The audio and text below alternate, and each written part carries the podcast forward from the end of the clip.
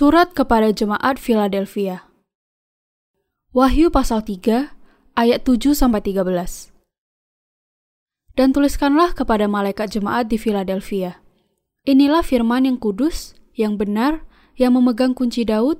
Apabila ia membuka tidak ada yang dapat menutup. Apabila ia menutup tidak ada yang dapat membuka. Aku tahu segala pekerjaanmu. Lihatlah aku telah membuka pintu bagimu yang tidak dapat ditutup oleh seorang pun. Aku tahu bahwa kekuatanmu tidak seberapa, namun engkau menuruti firmanku dan engkau tidak menyangkal namaku. Lihatlah beberapa orang dari jemaah iblis, yaitu mereka yang menyebut dirinya orang Yahudi, tetapi yang sebenarnya tidak demikian. Melainkan berdusta, akan kuserahkan kepadamu. Sesungguhnya aku akan menyuruh mereka datang dan tersungkur di depan kakimu dan mengaku, bahwa aku mengasihi engkau. Karena engkau menuruti firmanku, untuk tekun menantikan aku, maka aku pun akan melindungi engkau dari hari pencobaan yang akan datang atas seluruh dunia untuk mencobai mereka yang diam di bumi. Aku datang segera. Peganglah apa yang ada padamu, supaya tidak seorang pun mengambil mahkotamu. Barang siapa menang, ia akan kujadikan soko guru di dalam bait suci Allahku, dan ia tidak akan keluar lagi dari situ.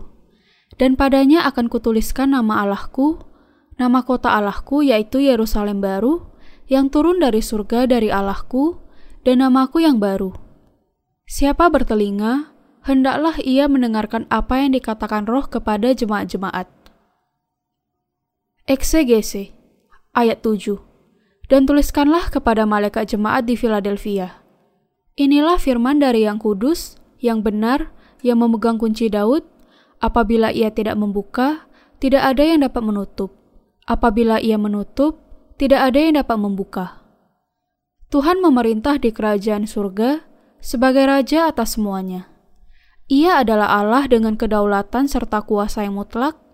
Apa yang dibukanya, tidak ada yang dapat menutup, dan apabila ia menutup, tidak ada yang dapat membuka. Tuhan adalah Allah yang sempurna, yang datang ke dunia ini serta membebaskan orang berdosa dari segala dosa mereka dengan Injil air dan Roh.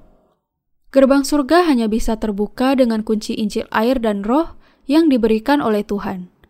Tidak ada yang lain yang bisa membukanya, karena semua yang ada di dalam kerajaan ini bergantung kepada Tuhan Allah kita.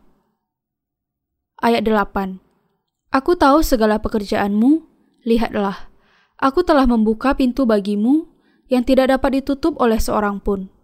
Aku tahu bahwa kekuatanmu tidak seberapa, namun engkau menuruti firmanku dan engkau tidak menyangkal namaku. Tuhan sudah membuka pintu penginjilan melalui gereja Allah. Dengan demikian, tidak ada seorang pun yang bisa menutup pintu itu tanpa izin Tuhan. Orang-orang kudus harus berpegang teguh kepada iman semula mereka sampai kepada akhirnya ketika Tuhan datang kembali ke dunia ini. Inilah jenis iman yang harus kita miliki oleh para hamba Allah dan orang-orang kudus. Iman mereka tidak boleh menjadi iman yang pada awalnya besar, tetapi pada akhirnya mati. Mereka harus berpegang terus kepada iman pertama mereka, iman yang tidak berubah yang diberikan Allah kepada mereka. Iman orang-orang kudus adalah iman kepada Injil air dan Roh, iman yang percaya kepada kenyataan bahwa kerajaan Tuhan kita akan datang baik di dunia ini dan di langit dan di bumi baru, dan bahwa kita semua akan hidup di dalam kerajaan ini sampai selamanya. Orang-orang kudus harus berpegang teguh kepada iman ini sampai hari ketika mereka bertemu dengan Tuhan yang datang kembali. Hamba Allah dan orang-orang kudus di jemaat Philadelphia hanya memiliki kekuatan yang kecil. Mereka juga memiliki banyak kelemahan.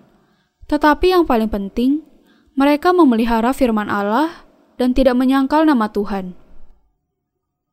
Ayat 9 Lihatlah, beberapa orang dari jemaah iblis, yaitu mereka yang menyebut dirinya orang Yahudi, tetapi yang sebenarnya tidak demikian, melainkan berdusta, akan kuserahkan kepadamu.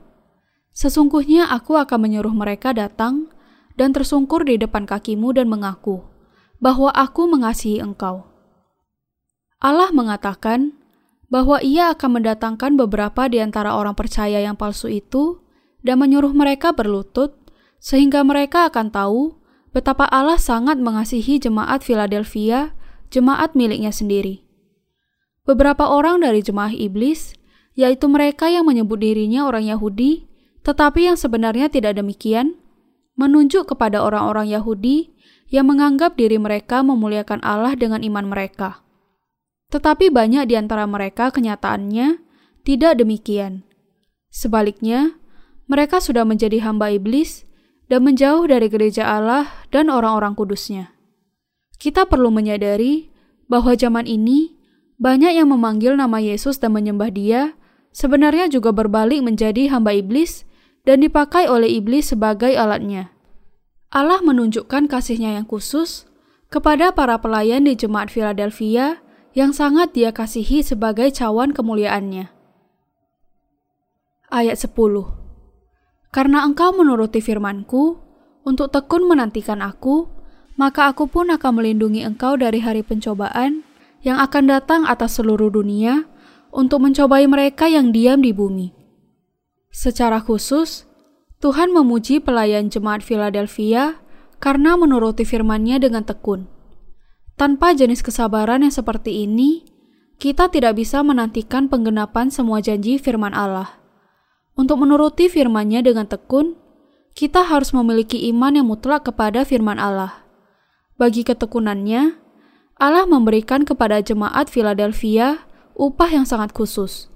Upah yang khusus ini adalah berupa melindungi jemaat Philadelphia pada hari pencobaan. Hari pencobaan ini menunjuk kepada datangnya masa antikristus. Ayat 11 Aku datang segera. Peganglah apa yang ada padamu, supaya tidak seorang pun mengambil mahkotamu.